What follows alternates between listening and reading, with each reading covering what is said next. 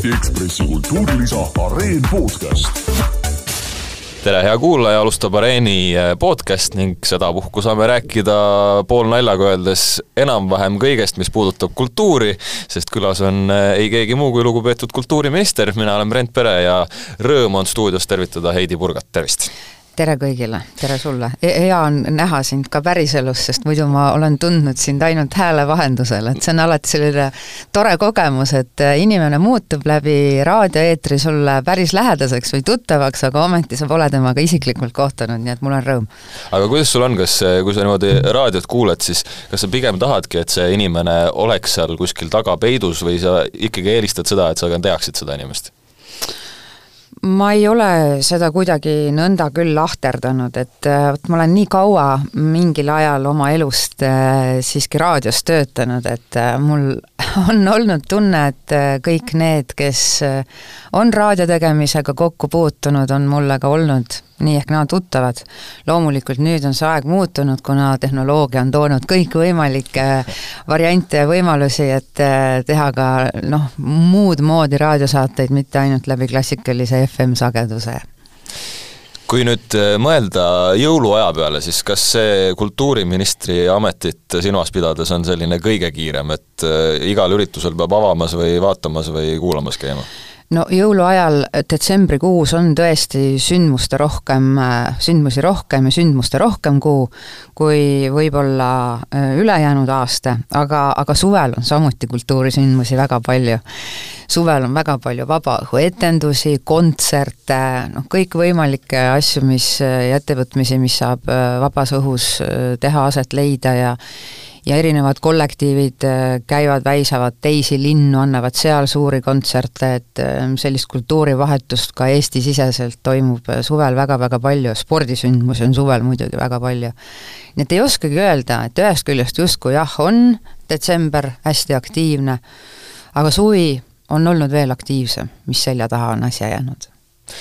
kui äh, mõelda nüüd sellele praegusele ajale, et ma vaatasin, et viimane intervjuu, mida ma ise niimoodi leidsin, äh, sinuga tehtud oli kuskil septembrikuus. kas see on selline pigem teadlik valik, et neid anda ainult siis, kui on midagi öelda, või äh, on see lihtsalt kuidagi sattunud perioodi niimoodi? eks ma kommentaare olen ikka andnud küsimustele, et pikki intervjuusid võib-olla jah, jäigi sinna septembrisse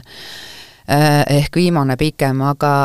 kui ma ametisse asusin äh, aprillikuus, siis äh, muidugi meedia huvi oli pehmelt öeldes väga aktiivne. ja arusaadavalt on meedia siis huvi olnud, et selles, et kes see inimene on, millised tema väärtused on, kuhu ta oma töös soovib keskenduda, millised, millisena ta näeb kultuurivaldkonna väljakutseid, ja need küsimused olid ikkagi üsna spetsiifilised, ma ütleksin lausa, et ma ei olnud jõudnud veel oma ametisse sisse eladagi, aga, aga käisin intervjuusid väga-väga aktiivselt andmas ja natuke ehmatas ära siis alguses? no ka. ütleme niimoodi, et tõmbas hinge korraks kinni küll selline tohutu tähelepanu, aga noh, ma mõistan seda jällegi, et loomulikult see on arusaadav ja kui sa oled valitsuse liige, siis peadki olema kättesaadav ja, ja võimalikult äh, palju käima ning oma nägemust jagama. Nüüd on tehtud üle poole aasta päris intensiivset tööd, et äh, eelarve sai kokku pandud ja, ja eelarvega seoses äh, olidki siis viimased suuremad äh, jutuajamised, et mida see kultuurivaldkonnale tähendab, milliseid otsuseid pidi tegema, milliseid sai teha, oli positiivseid, aga ka negatiivseid äh, külgi selle otsustamise ja tohutu töö tegemise juures koos ministeeriumi kõikide ametnike ja abilistega, et ja noh, põhiline on ikkagi see, et, et töö saaks tehtud ja siis vahepeal ka antud aru inimestele, millega, millised, milline seis on siis parasjagu, et kus maal ollakse, et kultuurivaldkonnas, nii nagu igal pool, on ju noh, asi on pidevas protsessis ja liikumises, et kultuurivaldkonna ampluaa on väga-väga lai ja neid teemasid, mis ühte nädalasse või ühte päeva mahub, neid varieerub ähm, ühest, ähm, ühest äärmusest teise no mul on vähemalt rõõm, et sa täna siia said tulla, nii et äh, siis saame rääkida kõikidest nendest asjadest. sealsamas eelarve tegemise kandis äh, sa ütlesid äh, sellise lause, et see, mis sulle Kultuuriministeeriumis silma jäi, oli see, et tekkis šokiseisund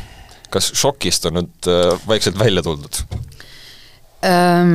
Ma pean täpsustama su lauset, et see puudutas küll ühte valdkonda, kus ma seda sõna kasutasin. see oli vist kirjandus, jah? jaa, see oli kirjandus, et jaa, muidugi kogu eelarve mis kultuurivaldkonda puudutab, on ähm, alati väga pingeline, et äh, võiks öelda, et kultuuris võiks justkui nagu raha alati rohkem olla. Küsimus on selles, et kus seda raha siis peaks olema, millises nagu valdkond, milline valdkond vajaks nagu rohkem turgutust ja kiiremas korras, milline on võib-olla teistest mahajäänum. ja seda sõna ja seda iseloomustust ma kasutasin just äh, seda printsiipi silmas pidades, et ma sain aru, et kirjandus ehk on pisut rohkem teistest mahajäänum, aga arendada saabki asju ja toetada vastavalt võimalustele, et, et minul see võimalus oli, tekitada siis juurde või küsida valitsuselt vahendeid riigieelarvest kirjandusse. ja, ja, ja kirjandus mitme mitme osa jaoks, et üks osa, üks miljon eurot, mille me saime riigieelarvest juurde laenutushüvitiseks, et meie armastatud kirjanikud saaksid oma la-, raamatute laenutamise eest ka õiglast tasu, sest varasemalt on see summa ikkagi jäänud sinna alla poole miljoni ja sinnakanti, poole miljoni kanti, et nüüd tuli üks miljon juurde, et ma loodan, et see leevendab kindlasti pisut seda laenutushüvituse, hüvitise pitsitavat seisu, aga sain juurde natukene ka Eesti Lastekirjanduskeskuse tegevuseks ja tegevustoetuseks, sest nad on äärmiselt tublid ja meeletult äh, meeletut tööd teinud äh, Eesti lastes äh, lugemisu äh, programmiga ja tänu sellele programmile, mis on siis erinevates Eestimaa paikades üle Eesti tõesti käivitunud ja mida hoitakse üleval siis läbi Lastekirjanduskeskuse koolituste ja ja teabe vahendamise ja, ja, ja informatsiooni hoidmisega, et meie lapsed on rohkem lugema hakanud. Nii et sai Eesti Lastekirjanduskeskus natuke turgutust, aga ka Sihtasutus Eesti Kultuurileht sai honoraride toetuseks äh, päris arvestatava tõusu, et oleks ka akadeemiline pool kaasatud, ja, ja ka Eesti Kirjanduse Teabekeskus, äh, mis tegeleb siis autorite tõlkimisega ja raamatute tõlkimisega, kirjastuste kontaktide vahendamisega välismaale, et et, et nüüd on enam-vähem selline, et kui varem oli šokk, siis nüüd on äh, šokk poole väiksem. Võib öelda küll jaa, aga asjad, ega asjad kõik korras ei ole, lihtsalt selline esimene leevendus ähm, ja esimene, ütleme niimoodi, et e-, esimene väike vuntsimine on valmis saanud. aga kirjanik ikka olla on Eestis äh, puhtalt neid numbreid vaadates suhteliselt siis ju keeruline. kui võtta kas või see ka see, et äh, kahekümneaastased noored inimesed kirjutavad tänapäeval juba elulooraamatuid ja sealt ka tiksub hoopis neile see pisku, mitte neile, kes soovivadki olla elukutselised kirjanikud no ma arvan, et näiteid on igasuguseid, on ka positiivseid näiteid õnneks, muidu ju keegi ei kirjutakski. et kirjanikel on hästi suureks abiks olnud Eesti Kultuurkapital, mis toetab kirjanduse väljaandmist väga mitmel moel, ehm, tõlkimist, ehm, noh, kõike, et ilm, kui sa lähed raamatupoodi või või, või sirvid kellegi raamatukogus, kui neid on enam inimestel kodudes, aga ehk mõnel ikka on, mõnda raamatut, siis seal on tihtipeale tempel raamatu väljaandmist on toetanud Eesti Kultuurkapital. ja õnneks Kultuurkapitalil praegu tundub, et veel vahendeid jätkub Eesti kirjanduse väljaandmise toetamiseks, kirjanike toetamiseks, neile stipendiumite maksmiseks. ja mõned aastad on siiski meil Eesti Vabariigis äh, ikkagi toiminud ka see niinimetatud kirjanikupalk, mille kunagi Indrek Saar lõi, ja nüüd on mõned teised kunstivaldkonnad sinna küll aastate jooksul juurde tulnud, aga, aga, aga jah, ka see, see meede on olemas, et kuidagi meie enda kirjasõna ikkagi üleval hoida, mis on meile põhiseadusega ülesandeks pandud. Eesti keel on meile kallis, me peame seda hoidma. kui keeruline üldse on äh, teil just tulla niimoodi valdkonnast seest ja hakata kultuuriministriks, ma kujutan ette, et neid äh, soove ja tahtmisi on suhteliselt palju, et äh, kui ikkagi tuleb inim-, nii-öelda oma inimene pukki, et siis võiks ju talt äh, kõike oodata um,? see on olnud üsna suur väljakutse, aga võib-olla just seetõttu, et noh, kõigepealt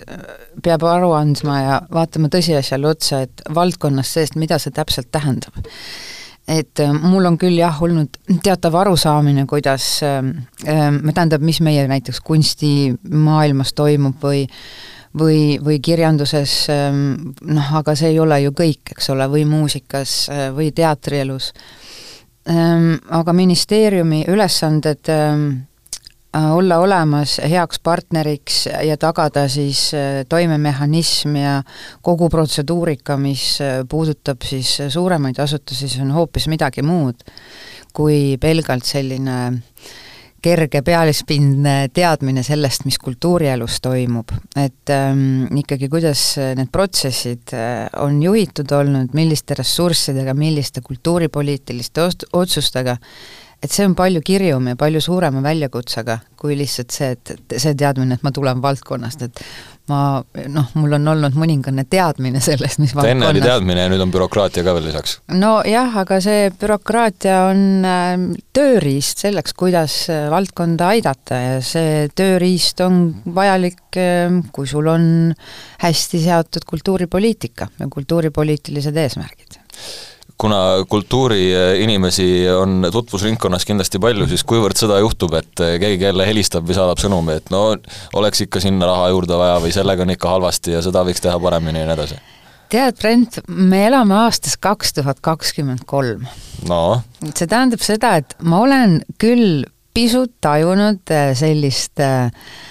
noh, niinimetatud nõukaaegset suhtumist, kus äh, telefoniõigusega võetakse minister toru otsa ja öeldakse, et kuule, mul on raha kuhugi juurde vaja, aga tänapäeval meil Eestis ikkagi asjad nii ei käi. on enam. jätkuvalt ka selliseid ministreid? kellele saab otse helistada? ei no kõigile saab otse helistada, aga iseasi on selles, et äh, mida sa lubada saad või noh, mille alusel sa saad lubada et äh, mina olen ikkagi ekspertide usku. noh, loomulikult äh, kultuuripoliitikat, ähm, see kõik sõltub sellest, mis suunad sa oled endale strateegiasse võtnud ja mida sa soovid ellu viia, mida sa soovid paremaks teha, rakendada, mida sa soovid muuta. aga, aga ma olen hoidunud, ma ei ole teinud küll üksikotsuseid väga selliseid, et ma ikkagi olen ekspertide usku ja sellesse, et, ähm, et noh, muidugi vahepeal nagu noh, on küll olnud sellist survet, et äh, otsusta ja tee ja mul on tarvis, aga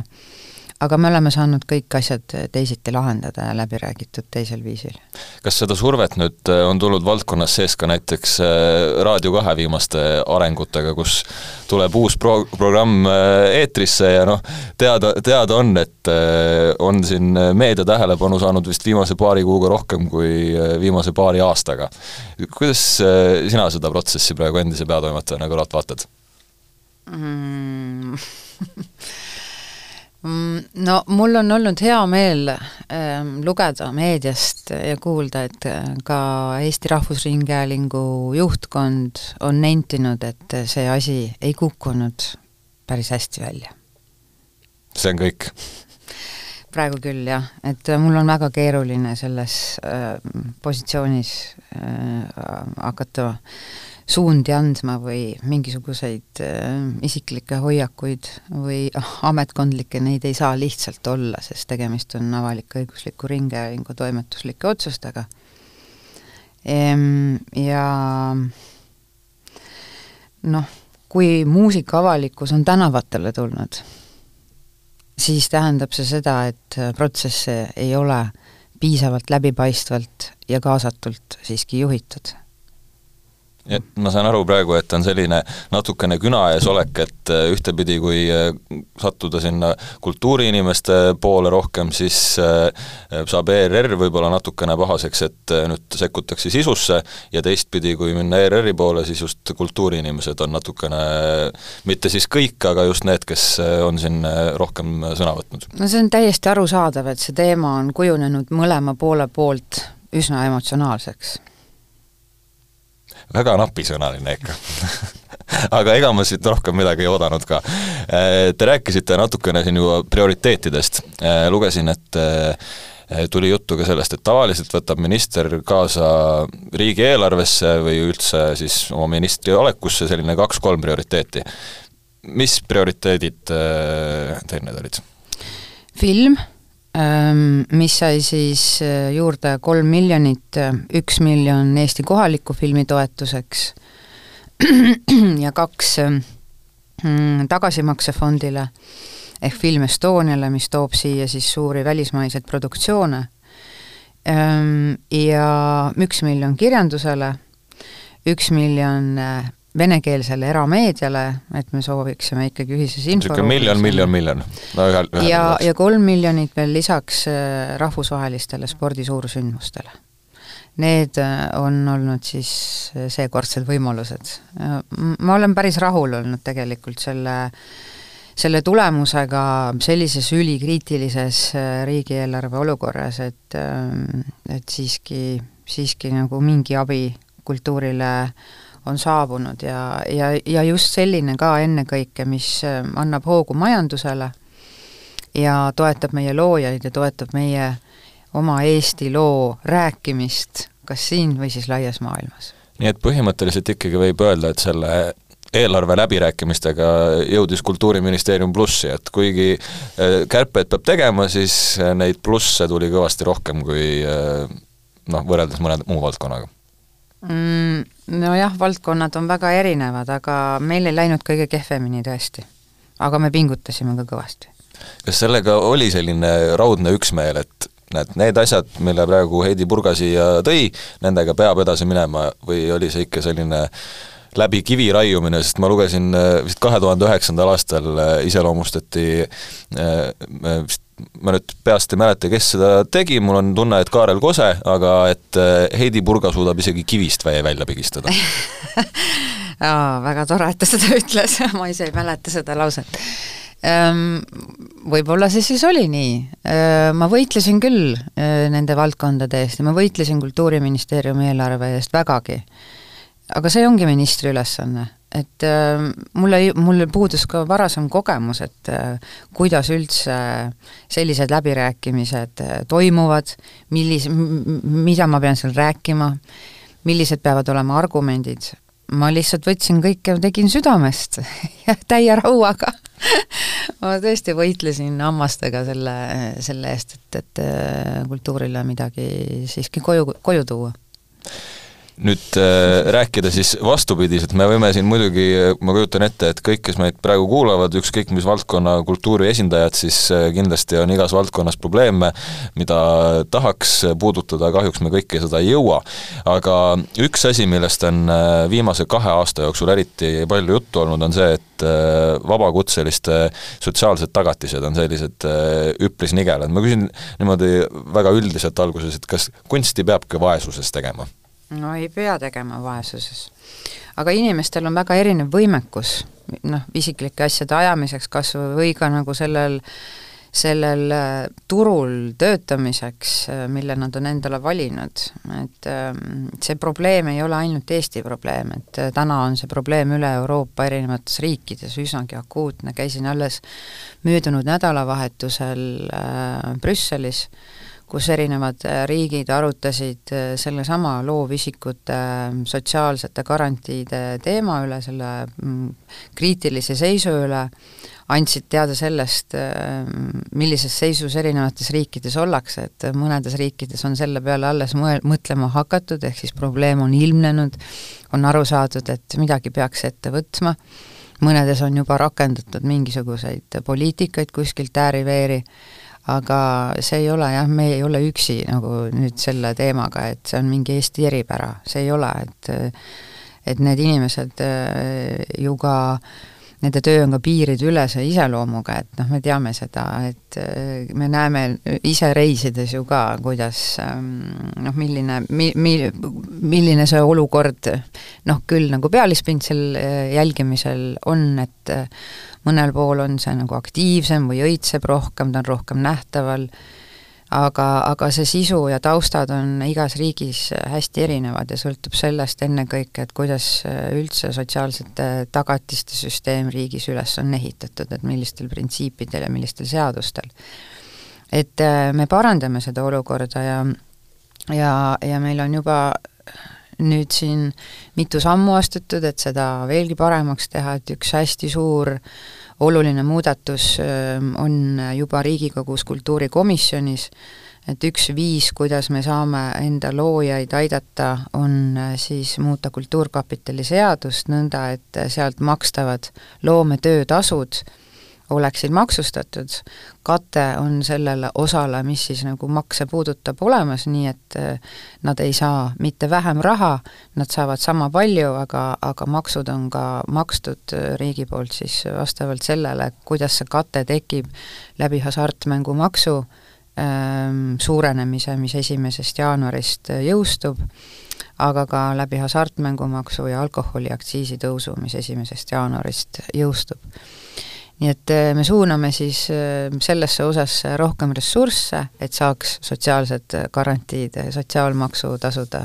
koos teiste maksudega. nii et nii siin et... on siis riik justkui see eeskuju ja erasektor, kõik äh, muu võiks kuidagi järele tulla, sest nemad ju tegelikult ei ole mitte mingit pidi kohustatud selle jaoks no ei, nad ei ole ja noh, loomulikult see sõltub erinevatest asjaoludest, see sõltub kas või nagu sellest, mis tüüpi lepinguid sõlmitakse mõne projekti jaoks ühe või teise loovisikuga. Ja see sõltub teinekord ka sellest, et paljud loovisikud on ka ise väga ettevõtlikud, neil on oma ettevõtted, aga kuidas äh, siis inimene enda ettevõtte kaudu, kas äh, noh,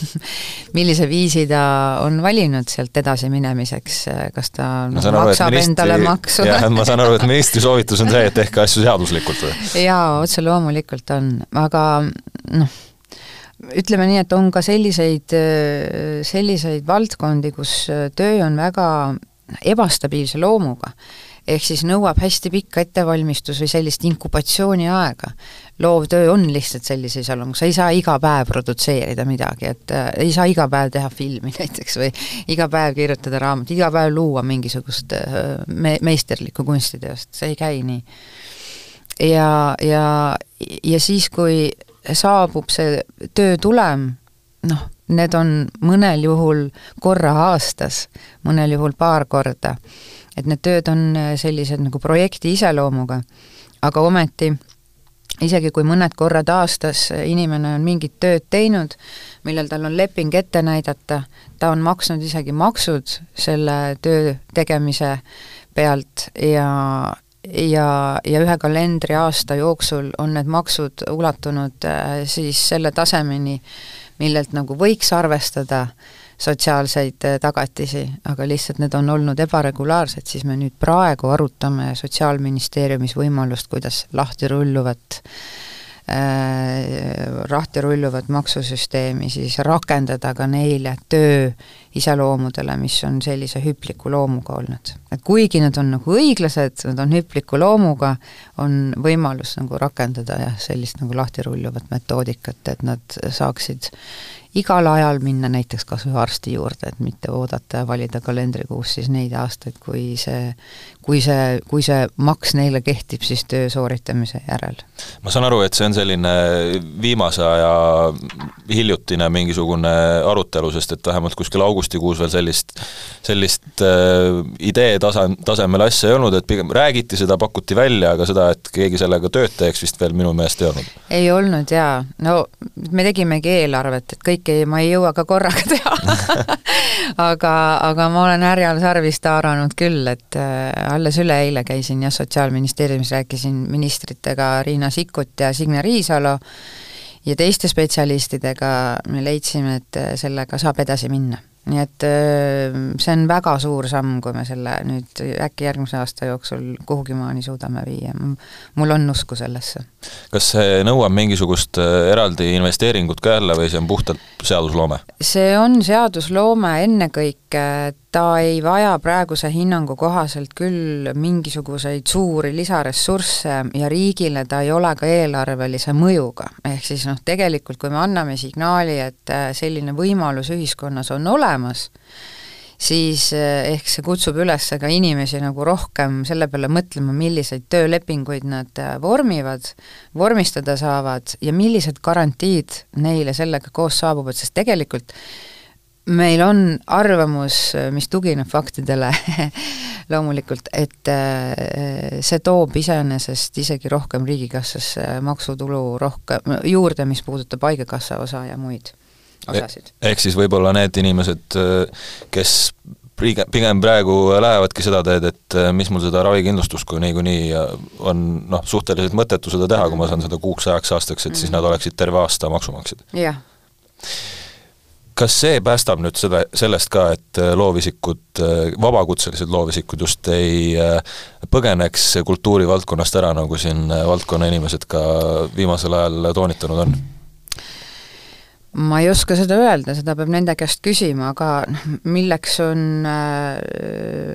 noh, riik on selleks ju, et probleeme lahendada ja Kultuuriministeerium peab kuulama seda, mis valdkonnas äh, räägitakse, et millised need murekohad on ja kui need on tõsised, siis peab astuma mingeid samme, vaatame, kuidas läheb, et seda mure on kuulda võetud ja me oleme nüüd hakanud midagi ka reaalselt tegema selleks, et seda põletavat probleemi lahendada.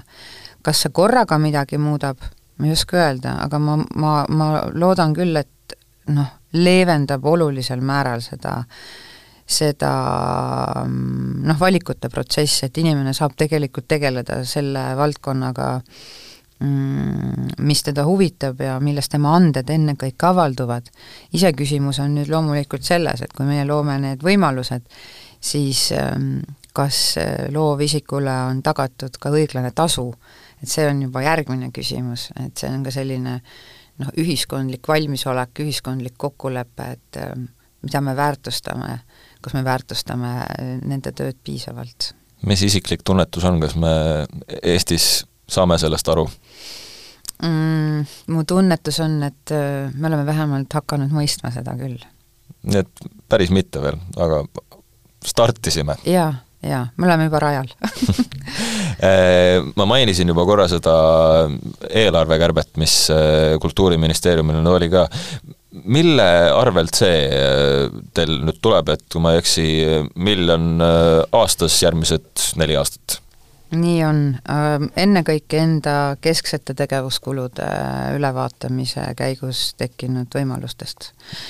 me ei pidanud minema kärpima mitte ühtegi Kultuuriministeeriumi allasutust. loomulikult ma saan aru, et meil on olnud tugev inflatsioon ja, ja, ja Kultuuriministeeriumi haldusalus, haldusalas äh, tegutsevad asutused on väga pingelises olukorras ja elanud läbi mitmeid kriise. ja see ongi väga keeruline, aga oleks olnud ülimalt keeruline neilt ka midagi noh, lisaks ära võtma minna. No loomulikult, kui see oleks olnud vältimatu täiesti, siis äh, oleks pidanud seda tegema, aga, aga praegu sai teisiti selle lahendatud. No kultuuritöötajate palgad ei tõuse, millal eh, neile võiks tulla see positiivne sõnum, et saame pisku juurde? kahe tuhande kahekümne kolmandal aastal tõusis kultuuritöötajate liik-, riiklik pa-, äh, palga alammäär tuhande neljasaja euro pealt äh, tuhande kuuesaja euroni, ehk siis neliteist koma kolm protsenti, ja samuti anti kahe tuhande kahekümne kolmandaks aastaks asutuste juhtidele seitse koma kolmkümmend neli miljonit eurot täiendavaid vahendeid palgatõusuks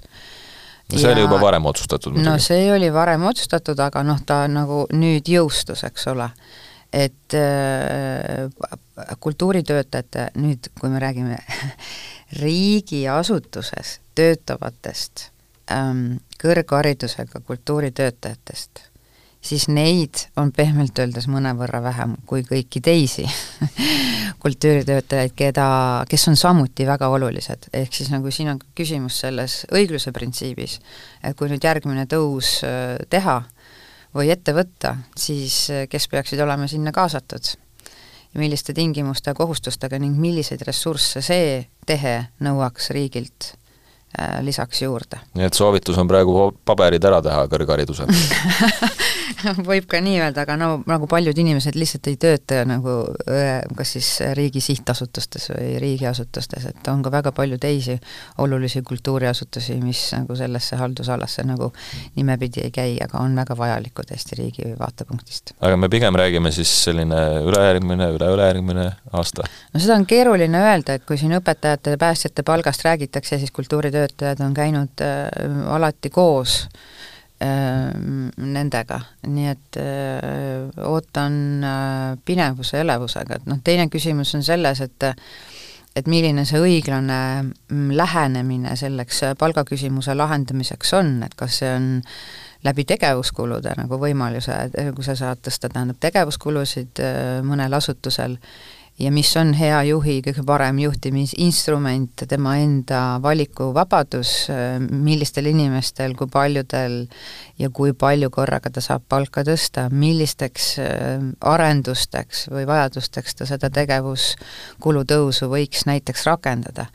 Et äh, see on lihtsalt poliitikate valiku küsimus, et kas minna tõstma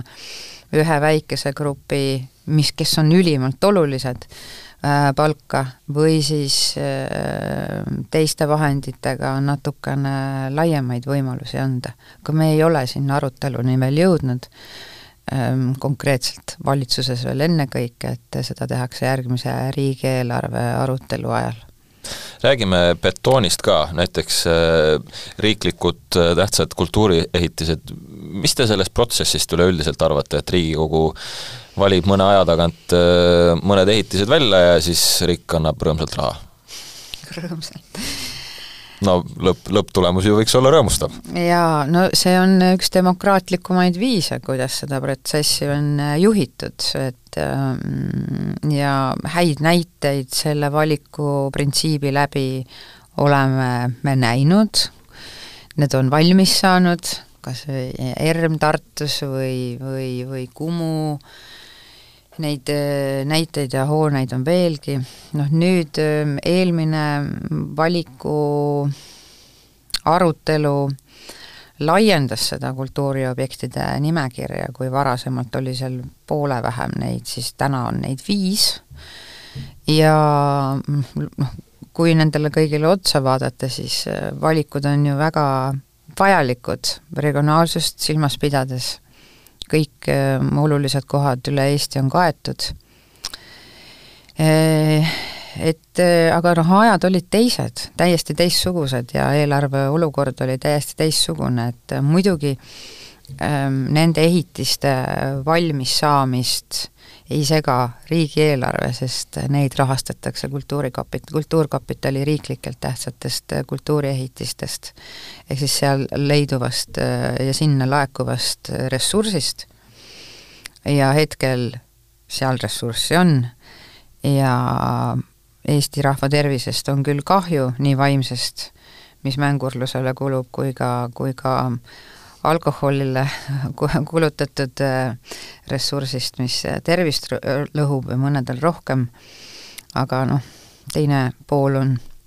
sellest nagu kurjast valemist see, et, et me saame seda raha kultuurile siis kasutada. siin annaks praegu väga lolle nalju teha, aga praegu vist saab need enda teada jätta. no see on jah, selline kibe, kibe tõdemus alati, et ähm, noh, ma arvan, et seda teadlikkust on ikkagi ka tõstetud päris kõvasti, kui nüüd sotsiaalvaldkonnast äh, rääkida, aga numbrid jällegi nüüd ka viimased, mis äsja avaldati, ei räägi seda keelt, et äh, seda, seda ennetust või seda tervislikust, äh, e-, teadlikkust tervislikust eluviisist oleks ka nagu rakendatud. või on lihtsalt eluviisilised hoiakud pisut teistsugused, et ollakse tervislikumad, aga ka, aga ka tarbitakse veini rohkem et ma ei, jah, et see on selline, selline kibe ja selline valus teema nagu kuidagi korraga. Lähme siin prantsuse kultuuri poole, aga on ka inimesi, kes kuritarvat-, kuritarvitavad seda edasi. täpselt äh, vaatasin, et kultuurikomisjoni äh, eelnõu, mis on nüüd äh, vähemalt protsessis on see, et äh, võimaldaks toetada veel ühte riiklikult tähtsat kultuuriehitist, kas see on puhtalt sellepärast, et äh, lõpuks äh, vaene telemaja, kes on viimased ma kogu, kogu aeg vist, mis ma tean, on nad rääkinud sellest, kuidas see maja on amortiseerunud, et see oli puhtalt ikkagi selle jaoks, et panna raha sellele ühele projektile? ei, see on puhtalt selle jaoks, et kasutada heaperemehelikult seda olemasolevat ressurssi, mis on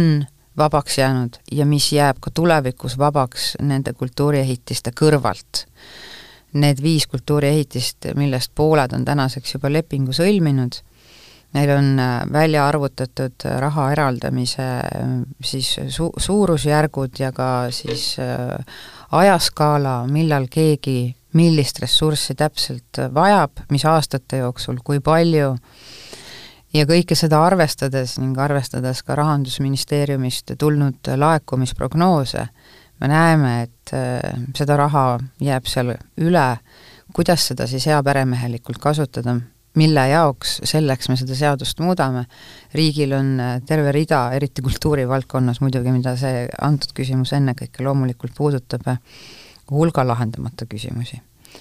ja, ja see annab võimaluse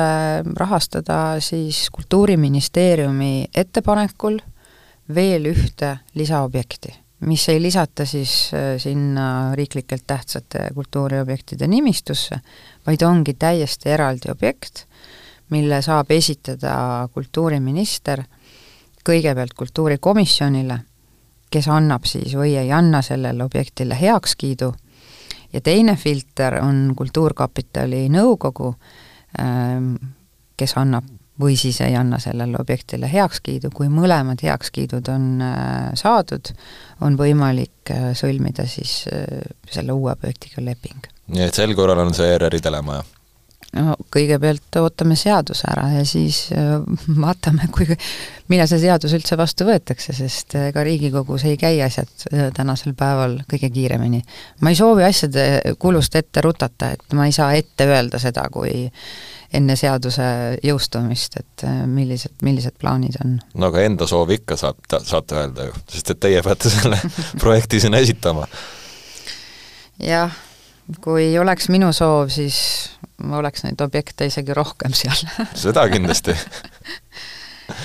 Räägime kultuurist äh, üldiselt ka, mis te niimoodi